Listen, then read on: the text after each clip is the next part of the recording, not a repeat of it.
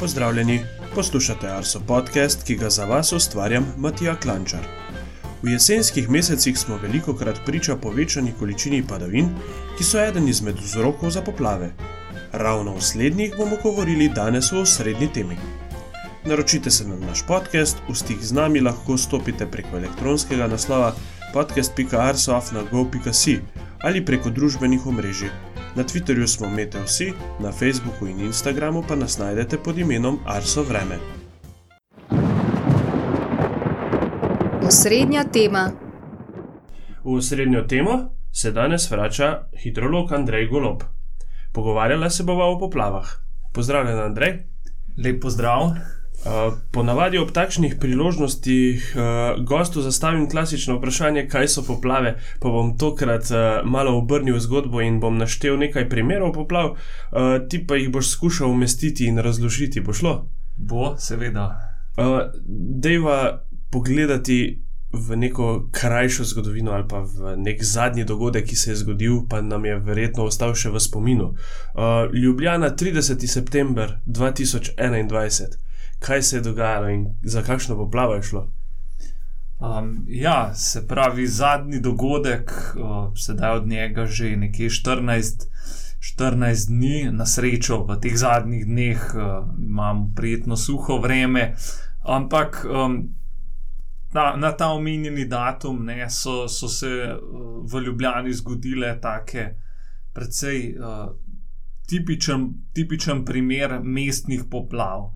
Se pravi, šlo je za uh, izredno intenziven padavinski dogodek, ob katerem um, sama, sama komunalna infrastruktura, se pravi, um, nekako odtoki iz hiš, kanalizacijski sistemi in uh, se pravi, ostalo mestno odvodnjavanje ni zmoglo odvesti te izrazito velike količine vode, ki je padla v zelo kratkem času. Ne. To je glavnina padavin je padla v praktično pol ure, sam dogodek je trajal uro. Um, tako da ta dotok vode je bil preprosto prevelik za to infrastrukturo, in um, prišlo je do v bistvu poplavljanja na teh površinah. Uh, treba je povedati, da uh, večino večino teh površin je seveda asfaltiranih, betoniranih, oziroma če povemo drugače, neprepustnih, tako da tukaj nek faktor um, prepustnosti niti ni pomemben, po drugi strani pa tudi zelene površine. Deloma tudi gozdnate površine, mest, mestnih parkov, gozdov, tra, travnatih površin, tudi v takem zelo silovitem dogodku ne uspejo, ne uspejo opraviti um, svoje, svoje naloge v popolnosti. Torej, tudi na zelenih površinah je ta sposobnost infiltracije, ponikanja vode ob takem nalivu presežena, in večina vode teče površinsko. Se da nekako preprečiti takšne poplave, oziroma uh, se lahko na nje kakorkoli pripravimo, ali je to res zdaj takšen dogodek, uh, ki pač pride in, uh, in povzroči ogromno škode. Um, ja, iz meteorološkega oziroma hidrološkega vidika um, pri, se, se to vrstni dogodki zgodijo zelo hitro in uh, v, v veliki meri nenapovedano. Ne? Na, na, napovedljivost krajevna, jakostna ne, in pa časovna takega dogodka je, je uh, zelo, zelo nezanesljiva. Tako da za ta, za ta, uh, za ta tip poplav je ključna, ključna pripravljenost, pripravljenost, uh, bi rekel, same uh, načrtovanja, same infrastrukture. Tukaj govorimo tudi na, na pomembnost planiranja vnaprej, in pa to samozaščitno, varovan, uh, samozaščitno delovanje.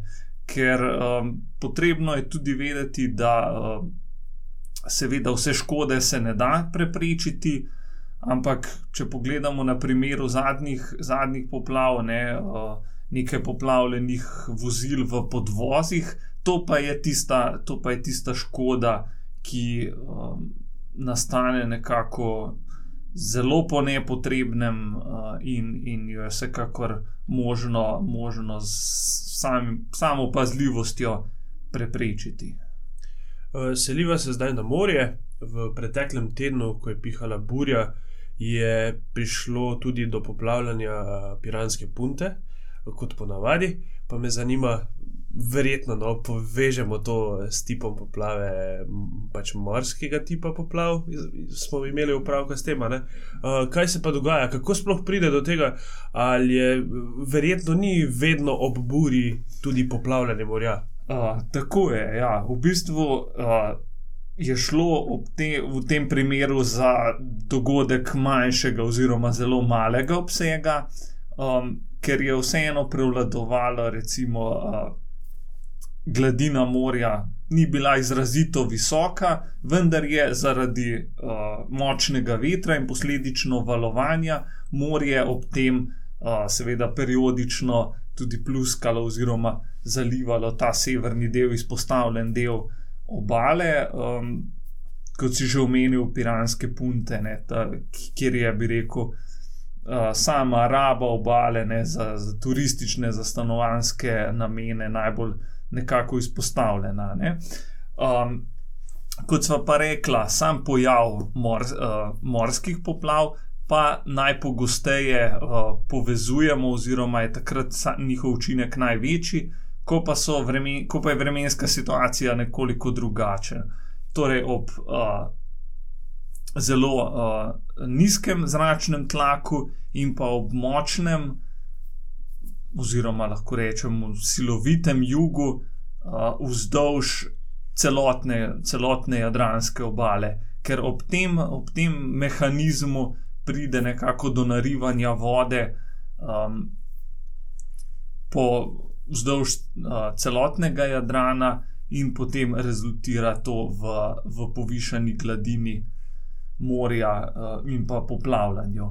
Kar pa je še zelo pomembno pri morskih uh, poplavah, da ta vremenski vpliv, kamor spada nizek zračni tlak, uh, močan jugo, za pojav uh, poplav mora, to, uh, mora ta pojav sovpadati tudi z astronomskim plimovanjem, ki pa, ki pa je, ima svojo, uh, svojo dinamiko in. Če povemo zelo poenostavljeno, se pravi, če pride do sovpadanja vremenskega vpliva in pa plimovanja morja, lahko to pomeni uh, obsežne poplave ob slovenski obali. Če pa se ta dva dogodka po domače zgrešita in se, zgodi, in se ta vremenski vpliv sovpada z, z oseko, pa um, lahko v bistvu dogodek mine brez kakšnih posledic oziroma brez težav.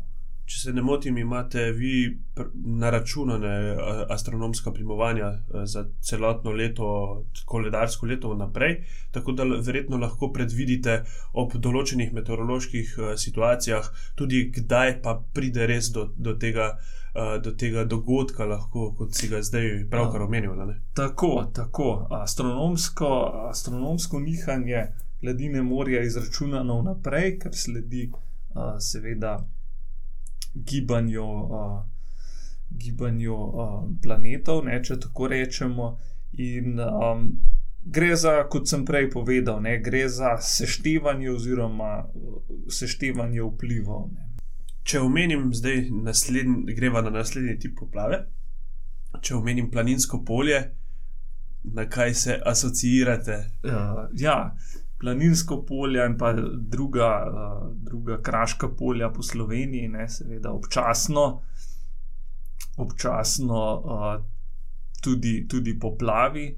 Spomnimo se, sicer uh, to je že sedaj nekaj let nazaj, vendar leto 2014 nam, nam ostaja v spominu kot, kot leto z uh, obsežnimi uh, poplavami na, kraški, na kraških poljih. Um, ta tip poplav se v bistvu um, dogaja, ne, uh, sam, sam nastanek, na, nastanek tega tipa poplav je, je najbolj dolgotrajen.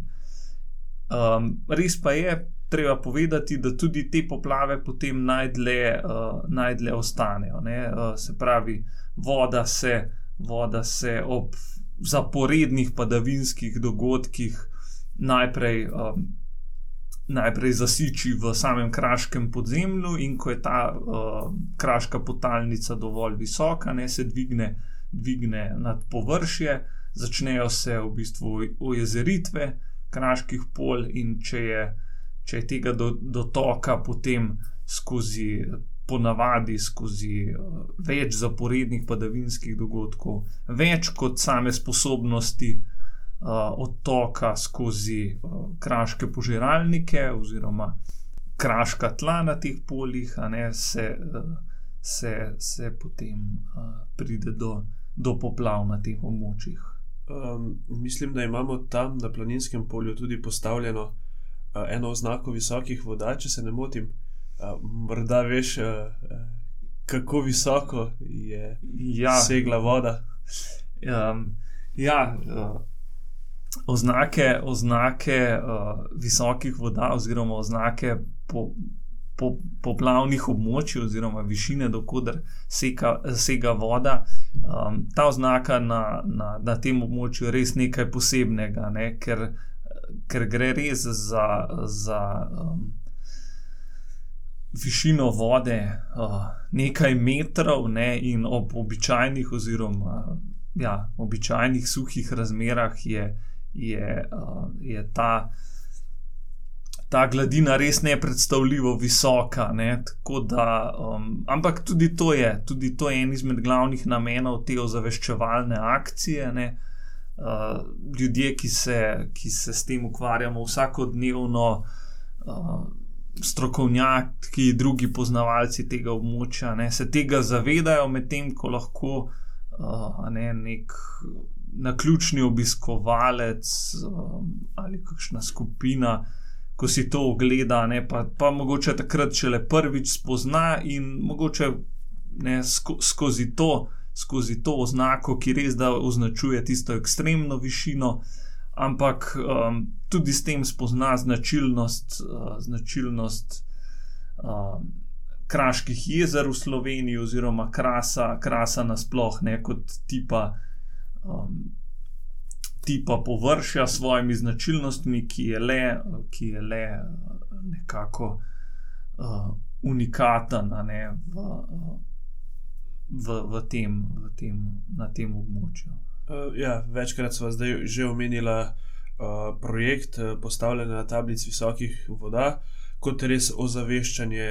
Uh, Tistih res najbolj ekstremnih uh, hidroloških dogodkov, uh, smo jih pa tudi ta projekt smo predstavili že v preteklosti v našem podkastu, uh, tako da za tiste, ki vas kaj več zanima, uh, bomo dali tudi ob tem podkastu link do uh, preteklih epizod.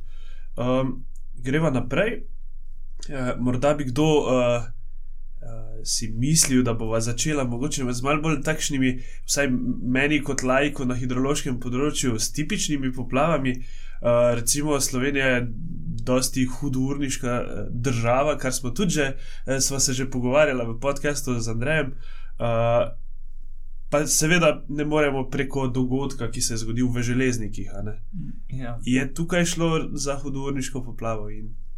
Uh, ja, seveda, hudourniške poplave so, so v Sloveniji zelo, zelo pogost tip poplav. Um, morda je, ne lahko omenimo, da, da um, začela sva s primerom mestne poplave v, v Ljubljani. Um, če nekako uh, si probava zamisliti oziroma predstaviti nek podoben padavinski dogodek, ne, se pravi, zelo, zelo intenzivnih padavin v kratkem času na neko. Uh, hribovito, gorato območje, ne, je to ravno tako enak, enak uh, sprožilec, oziroma uh, razlog za, za uh, možnost takih, poja, uh, takih poplav. Um, Pričemer, um, če, če smo rekli pri mestnih poplavah, ne, da je tam uh, zaradi značilnosti urbanega okolja, veliko asfaltiranih, uh, asfaltiranih površin, ki ne omogočajo nekako infiltracije, se pravi, nekako zmanjšanja tega površinskega odtoka, pa imamo potem v nekako hudurniških območjih, se pravi, hribovitem, goratem svetu.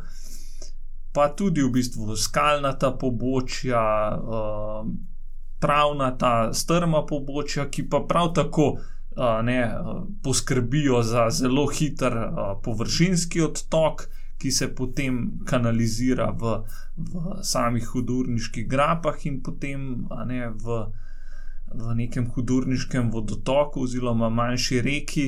Pride do zelo hitrega, naglega povišanja, uh, povišanja gladine. Uh, poleg tega, ne, pa, pa veliko krat ta voda, ravno zaradi, zaradi silovitosti svojega toka, zraven prinese še plavje, um, lahko je to veliko, neka tudi kamnite mase, lesne mase, in ta, in ta potem lahko ne, povzroči še, še poleg poplav, ne, še ima svojo dodatno razdiralno moč. Uh, omenil si, da lahko zelo hitro porastejo vodotoki. Pa recimo v tem ljubljanskem primeru smo govorili, da je tipično pol ure, eno uro, pa je praktično bila ljubljena pod vodo. Uh, kaj pa recimo ob teh hudourniških uh, poplavah lahko pride tudi v kakšnem hitrejšem časovnem obdobju do uh, nekih razlivanj oziroma do ne, neke, nekega takšnega dogodka? Um, ja, ponavadi gre pri, pri takih dogodkih za, za nekakšen če rečemo, sestavljen dogodek. Ne, ob, najprej se težave neobičajno zgodijo gorvodno, ob manjših vodotokih, uh, potem, pa, potem pa voda pravi, se, se steka navzdol proti rekam in. Kot si omenil prej, poplave v železnikih, lahko rečemo tudi omeniva hudurniške poplave, gradaščice pred nekaj leti, Ne, to pa so dogodki, ki, ki, ki običajno nastanejo ob, ob um, padavinskih dogodkih, ki trajajo tam med tremi in šestimi urami. Ne. Ker ravno to je tako, to, to, tako trajanje padavin, ko. ko uh, je še dovolj kratkotrajno, da voda ne more odteči, in pa hkrati dovolj silovito, da je ta kapaciteta odtoka v primerjavi z, z uh, pritokom ne, močno presežena, in, in se takrat uh, reke um, kratkotrajno, vendar lahko tudi obsežno razlijejo oziroma poplavijo. Zdaj, večkrat smo že v najnem pogovoru omenjali uh, padavine, obilne padavine, pa mogoče malce bolj vem, kratkotrajne, tiste uh, ogromno količino padavin, ko pade v kratkem času. Uh, glede na to, drugač, da prihajam iz uh, celskega konca, uh, ne morem preko tega, drugač, da smo tudi v celju bili deležni uh, kar obširnih poplav, uh, sploh v 90-ih letih. Uh, Pa me zanima, drugač, zakaj je recimo tako tipično, se mi zdi, da Savinska dolina je tudi uh, zelo izpostavljena tem poplavam. Je mogoče to eno izmed teh območij, kjer se te poplave uh, bolj pogosto izrazijo v Sloveniji? Um, ja, se. Obsežnejših poplav ob Savini, kot si omenil, uh, na srečo, na srečo nekaj časa že uh, že ne beležimo, vendar eh, seveda to ni nobeno zagotovilo, da se tak dogodek eh, ne bo ponovil v takem obsegu, lahko seveda tudi ob, ob, ob večjem, vendar ja, to je sigurno um, območje, kjer, kjer se. Um, Ker se poplave lahko v, v samem goratem povirju začnejo nekako zelo hudurniškim uh, značajem, če pa, je, če pa padavine uh, zajamejo nekako večje območje, kot, kot se je zgodilo naprimer, leta, leta 2012, pa se več teh dogodkov, uh, se več teh dogodkov um, združi in potem, in potem reke tudi nekako v svojem srednjem in spodnjem toku, če, če tako rečemo, uh, poplavijo ne, v, v večjem obsegu. Naprimer, primer takih rečnih, rečnih poplav, ki so lahko tudi obsežnejše, je tudi um, reka Vipava v zahodni oziroma jugozahodni Sloveniji, uh, kjer se tudi nekako tipično začne, začne z pobočnimi hudurniškim dogajanjem, ne? potem pa, ko se, ko se voda steče navzdol, pa, pa tudi se morda poslušalci spomnijo kakšnih obsežnejših poplav dol vodno, ne? recimo v kraju Miren oziroma zelo blizu uh, italijanske meje. Mhm. Uh, glede na to, da smo zdaj tudi uh, govoriva veliko o rekah in pa o teh poplavnih valovih, se vedno jaz tudi spomnim recimo, na, na poplave na Dravi, uh, pred leti zdaj že. Uh, to je pa verjetno nek takšen vzrok, ki ni čista bistvena posledica uh, naravnih pojavov, ampak verjetno tudi uh, malce človeškega vpliva na to. Ne?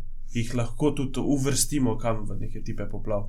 Um, ja, um, ne, moramo se zavedati, da je vodno okolje ne samo pri nas, marsikje po Evropi, tudi po svetu, ne, zaradi potreb uh, rabe, rabe ljudi močno spremenjeno. Ne, na, na naravnem, v naravnem vodnem okolju smo, smo ljudje zgradili mnogo, mnogo uh, tehničnih objektov, ne, ki so po velikosti, po zahtevnosti, a ne lahko od, se ne se gibajo od nekih protipoplavnih uh, zidov, pa do, do um, večjih zadrževalnikov, uh, seveda za največkrat za potrebe hidroelektrarn.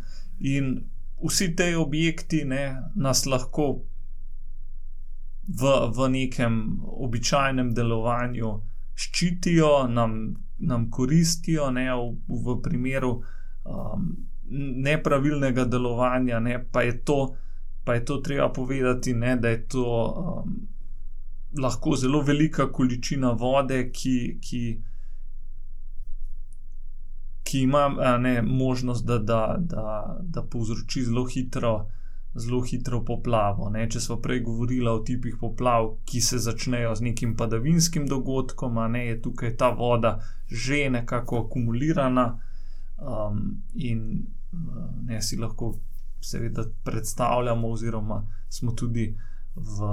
v um, Naši soseščini v Italiji, ne v preteklosti, že tudi uh, videli, videli primere, uh, kako tragično se, se lahko taki dogodki v bistvu zaključijo. Verjetno imaš v mislih uh, dogodek, ki se ga mogoče naši starši ali pa stari starši še dobro spominjajo, uh, ko se je pa porušil jez v Vajontu. Ja, uh, v bistvu ob tem dogodku. Uh, Dejansko ni, ni, uh, ni prišlo do porušitve uh, jezu, ta jez je uh, to močno silo nekako vzdržal, šlo pa je za, uh, za zelo velik plas za, za jezom in posledično za um, potisk te ogromne količine vode preko jezu v zelo osko dolino. Ne, in, um, ravno, ravno to sem prej omenil. Ne, tukaj poplav ni povzročila. Uh, padavinska voda, ne, ampak voda, ki je, ki je bila akumulirana. Ne, in, in ravno, to, ravno to je ta uh, nevaren potencial za, za tako katastrofalen dogodek, ne, ker, ker v, v tem primeru ne, pa gre za, za, za hipno, hipno, um, hipen dogodek in ravno zato, ravno zato je lahko uh, mnogo krat bolj silovit od, od, od, v primerjavi z drugimi. Uh mhm. -huh. Uh, mislim, da smo s tipi poplav, oziroma smo jih kar dobro umestili, tudi povedala nekaj primerov, ki se jih morda malce bolj spomnimo ali pa so nam ostale bolj v spominu. Ampak glede na to, da je zelo zanimiva tema, imam še pripravljenih kar nekaj vprašanj v povezavi s poplavami. Uh, prvo je, drugače, glede na to, da si tudi udeležen kot dežurni hidrolog, uh, kaj se dogaja takrat, ko so poplave v Sloveniji.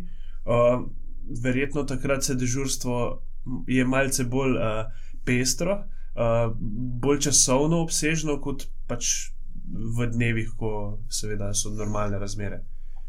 Ja, sama organizacija službe se seveda v teh dogodkih uh, povsem prilagodi spremljanju razmer, poročanju o uh, trenutnem razvoju in pa seveda, kar je najpomembnejše, kar je najpomembnejše napovedovanju prihodnega do, dogajanja.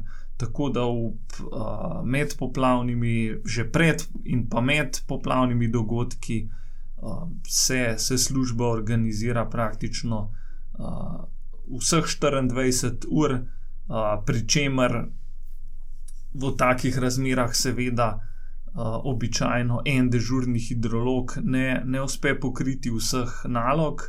Uh, tako da se v, v takih razmerah potem tudi številčno organiziramo in uh, vse naloge, vključno s komuniciranjem z, z javnostjo, pogostimi uh, televizijskimi vklopi, ne, pokrivamo tudi uh, večja ekipa, se pravi, um, lahko tudi dva oziroma trije sodelavci.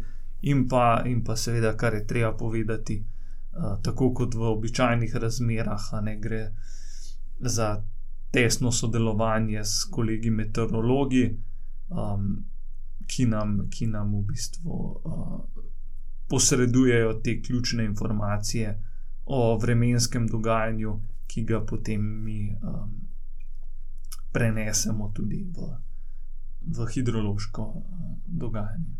Sodelujete tudi z vem, upravo za zaščito in reševanje takrat, veliko bolj.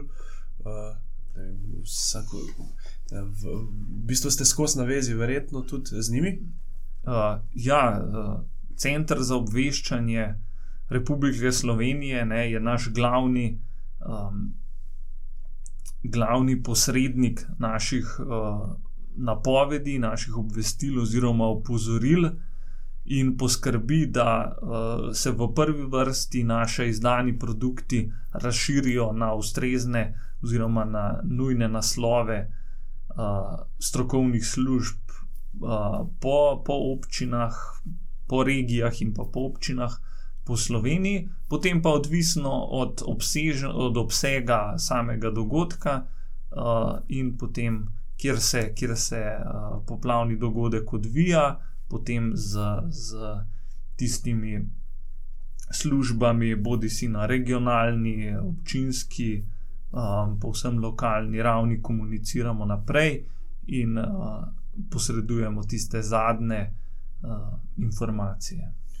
Uh, morda za konec, če čisto zadnje vprašanje, uh, lahko poslušalce tudi povabiva, uh, k uporabi nekšnih orodij, aplikacij, dejansko lahko tudi sami, mi, kot navadni občani, posredujemo neke podatke, hidrološke podatke, sploh na tem, bova, glede na to, da smo govorili danes o poplavah, kje lahko najdejo aplikacijo in kaj lahko sporočijo, v bistvu tudi nam, ker vsaka dodatna informacija, sploh v uh, malce bolj ekstremnih razmerah, če se lahko tako izrazim, pride še kako prav.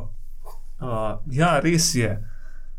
Podatki o dogajanju na terenu uh, so v, v teh, v nekih poplavnem dogajanju zelo, zelo koristen podatek, ker se potem ob analizi, ob vrednotenju naših opozoril, kot tudi uh, ne, vseh modelskih orodij, uh, um, uporabijo kot, kot sredstvo za, za validacijo našega dela in hkrati izboljšanje v prihodnje. Tako da uh, imamo na, na naših spletnih straneh objavljeno tudi povezavo na, do aplikacije uh, Regops, uh, kjer se uh, lahko uporabniki zelo preprosto uh, registrirajo, prijavijo na, na, um, v to aplikacijo, v ta sistem, in potem nekako na zelo intuitiven način um, preko aplikacije posredujejo um, svojo fotografijo, svojo lokacijo in pa opis dogajanja ob, ob um, praktično kjerkoli na terenu, ne, lahko gre uh, ob nekem manjšem vodotoku, potoku ali pa, ali pa um, ob, ob kakšni reki. Um, nekateri uporabniki pa tudi v bistvu odčitajo sam vodostaj, prav na, na, na lokacijah naših vodomernih postaj, ki pa so uh, seveda opremljene s prav posebno merilno letvijo, uh, tako da ta, tam je lahko informacija pa še, še um, povsem natančna. Ne? Ampak, uh, kot sem dejal, uh, namen oziroma smisel tega poročanja je uh, ne samo dobiti informacije na merilnih mestih, ampak um, na, na območjih, kjer, kjer, uh, ki, so, ki so izven ne, in kjer bi brez, brez nekih takih posredovanj.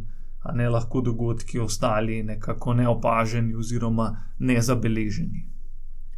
Uh, Andrej, mislim, da smo zelo veliko povedala o poplavah in uh, o, okrog, okrog te tematike. Uh, veliko je še osta, ostalo odprtega, nekih istočnic, uh, tako da jaz verjamem, da se bomo še kdaj pogovarjala. Uh, se ti pa zahvaljujem za tvoj čas, pa res tale sproščen pogovor. Hvala, hvala tudi tebi. Obeti. Kakšni so vremenski obeti za naslednje dni, nam bo zaupala Veronika Hladnik za Kotnik. Ob ustaljenem območju visokega zračnega tlaka smo se že kar navadili na suho vreme ter jutranjo in dopoldansko meglo. Stalnica so postala tudi hladnejša jutra. A vremenska sprememba se bo že v sredo začela nakazovati. Vtis vremena bo sicer še večinoma sončen, krepil pa se bo jugozahodni veter in oblačnost bo predvsem v zahodnji polovici Slovenije naraščala. Najviše dnevne temperature bodo na vzhodu presegle 20 stopinj Celzija hriboviten svetu zahodne Slovenije bo popoldne in zvečer občasno že rahlo deževalo. Dežja pa bo več v četrtek. O pretežno oblačnem vremenu bo predvsem v zahodnih in osrednjih krajih občasno deževalo. Večinoma suho vreme, še nekaj jasnine bo na vzhodu Slovenije. Še bo pihal jugozahodni veter, ob morju pa jugo. Po prehodu vremenske fronte bo oblačno in deževno tudi v petek. Meja sneženja bo kot kaže na nadmorski višini med 1500 in 2000 metri padavine bodo popovdne oslabile in do večera večinoma ponehale. Ohladilo se bo. Če bodo v četrtek temperature večinoma še med 16 in 19 stopinj, bo v petek v notranjosti Slovenije med 10 in 13 stopinj Celzija. Temperaturne razlike med jutrom in popovdnim vam bodo majhne. Konec tedna bo, kot kaže, suh. Nad Srednjo Evropo in Alpami se bo krepilo območje visokega zračnega tlaka. To bo nad našimi kraji predvidoma ustrajalo tudi v prihodnem tednu. Obetamo si lahko suho vreme ponovno pa bo postala megla stalnica jutr in dopoldnevov. Jutrajne temperature bodo večinoma med nič in 5 stopinj, najviše dnevne pa okoli 15 stopinj Celzija. Tokrat bomo vremenske zanimivosti preskočili. Več o njih pa v naslednji oddaji, ko si bomo pogledali, kakšen je bil mesec oktober. Želim vam obilo lepega vremena in se slišimo čez 14 dni.